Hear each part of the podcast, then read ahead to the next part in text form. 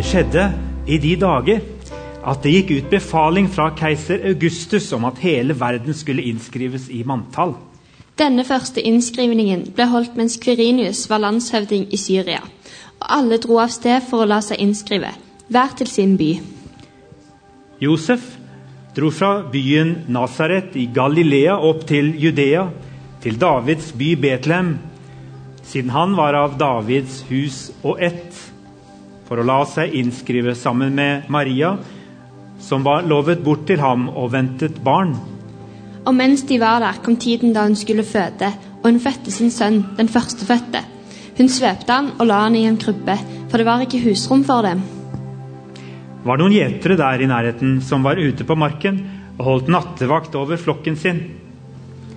Med ett sto en Herrens engel foran dem, og Herrens herlighet lyste over dem. De ble overveldet av redsel. Men engelen sa til dem, Frykt ikke, se, jeg forkynner dere en stor glede, en glede for hele folket. I dag er det født dere en frelser i Davids by. Han er Messias, Herren. Og dette skal dere ha til tegn. Dere skal finne et barn som er svøpt og ligger i en krybbe. Med ett var engelen omgitt av en himmelsk hærskare som lovpriste Gud og sang. Ære være Gud i det høyeste, og fred på jorden blant mennesker som Gud har glede i. Da englene hadde forlatt dem og vendt tilbake til himmelen, sa gjeterne til hverandre La oss gå inn til Betlehem for å se dette som har hendt, og som Herren har kunngjort for oss. Og de skyndte seg av sted og fant Maria og Josef og det lille barnet som lå i krybben. Da de fikk se ham, fortalte de alt som var blitt sagt dem om dette barnet. Alle som hørte på, undret seg over det gjeterne fortalte. Men Maria tok vare på alt som ble sagt, og grunnet på det i sitt hjerte. Gjeterne dro tilbake. De lovet og priste Gud for alt de hadde hørt og sett. Alt var slik som det var sagt dem. De var framsynte, de andre tre vise menn. De så stjerner, de tydet tidene, de satte seg mål, og de gikk mot målet. Fulgte sine planer til punkt og prikke. Den fjerde var alltid seint ute. Vismennene de fortalte entusiastisk om visjonen de hadde fått. En sjelden ledestjerne hadde vist seg på himmelen. En ny konge var født, Messias, Guds sønn. Det var dette de hadde ventet på. Nå visste de hvor de skulle reise, og det hadde hast. Artaban han fins ikke i juleevangeliet. Men legenden om den fjerde vismann har eksistert lenge. Og det står faktisk ikke noe sted at det var akkurat tre vismenn.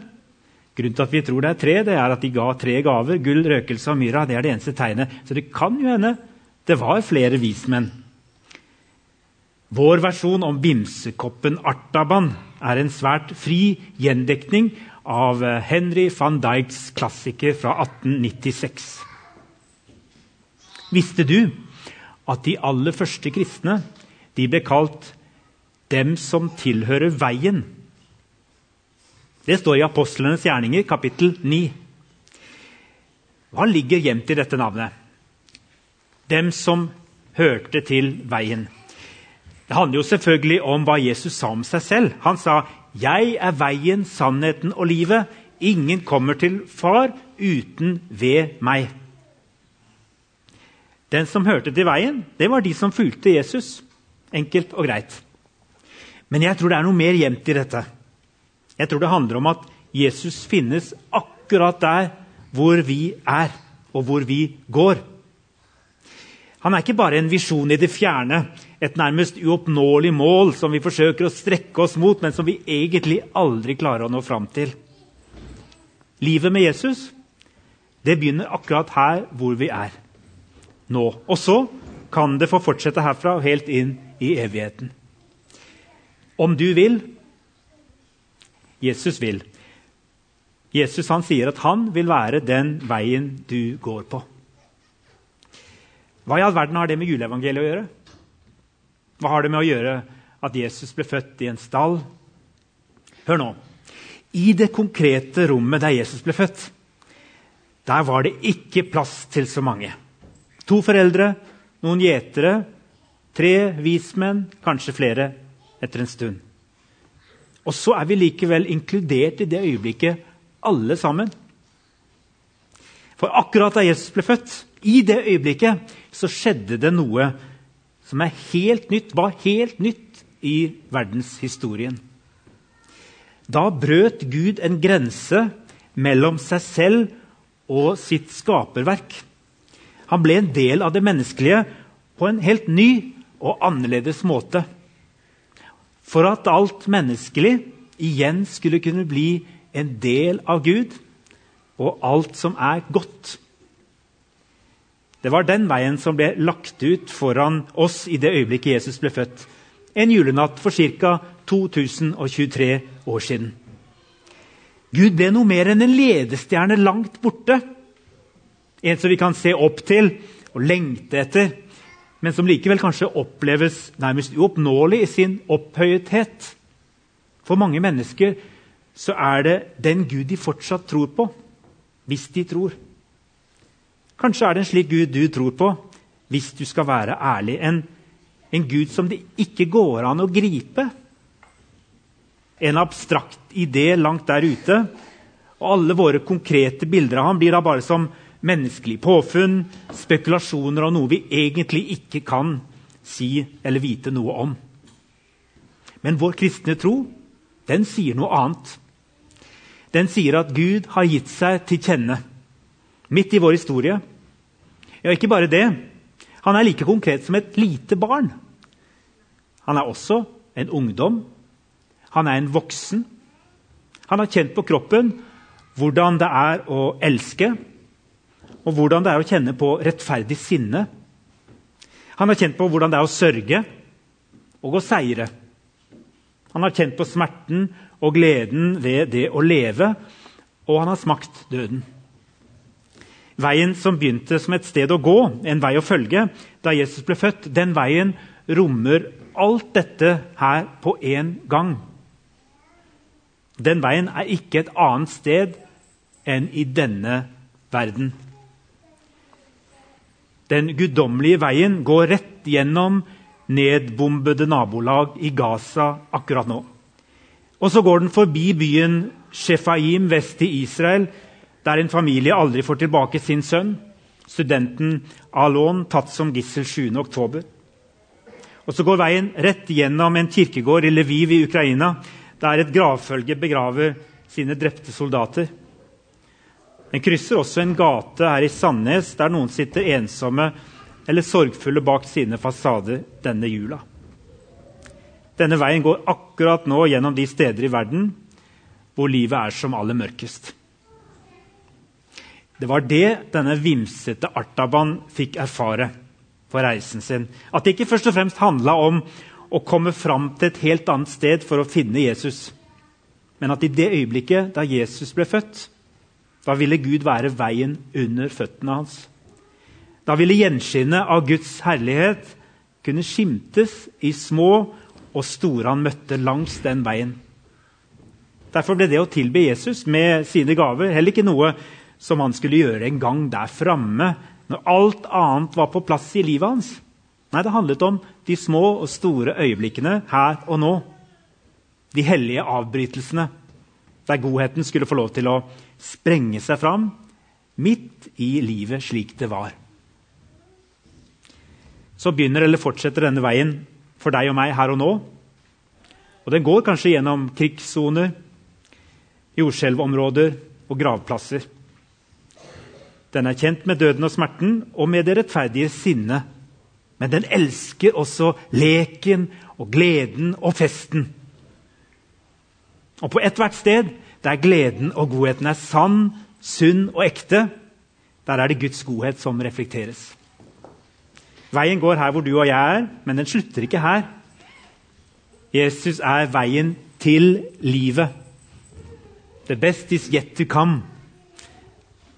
For det er også det forunderlige ved at vi får lov til å høre til veien og, og gå på denne veien hvis vi vil. For en vei den symboliserer bevegelse og forandring. Vi skal ikke forbli der vi er. Veien tar oss med til et annet sted. Det var dette vismannen Artaban fikk et lite glimt av da han kikket opp på tornekronen på hodet til Jesus. Den rosebuketten som han trodde var død for lenge siden. Han så opp på tornekronen. Da syntes han så tydelig han kunne se nye knopper på de gamle kvistene. Disse ordene de klinger som en referanse til Messias-profetien i Jesaja 43. Dere skal ikke minnes de første ting. Ikke tenke på det som hendte før. Se, jeg gjør noe nytt. Nå spirer det fram. Merker dere det ikke? Ja, jeg legger vei i ørkenen. Er du en av dem som lurer litt på hvem du er, hvor du kommer fra og hvor du skal? Kanskje svaret ikke er fullt så vanskelig som du tror? Veien den går rett forbi deg der du er. Jesus inviterer deg til å følge han nå. For første gang eller på nytt. Hvis du har lyst, så kan ditt svar være å bli med oss i den kjente sangen om det å være pilegrimer som går gjennom de fagre riker på jorden, til paradis med sang. For tross alt deilig er jorden. Prektig er Guds himmel.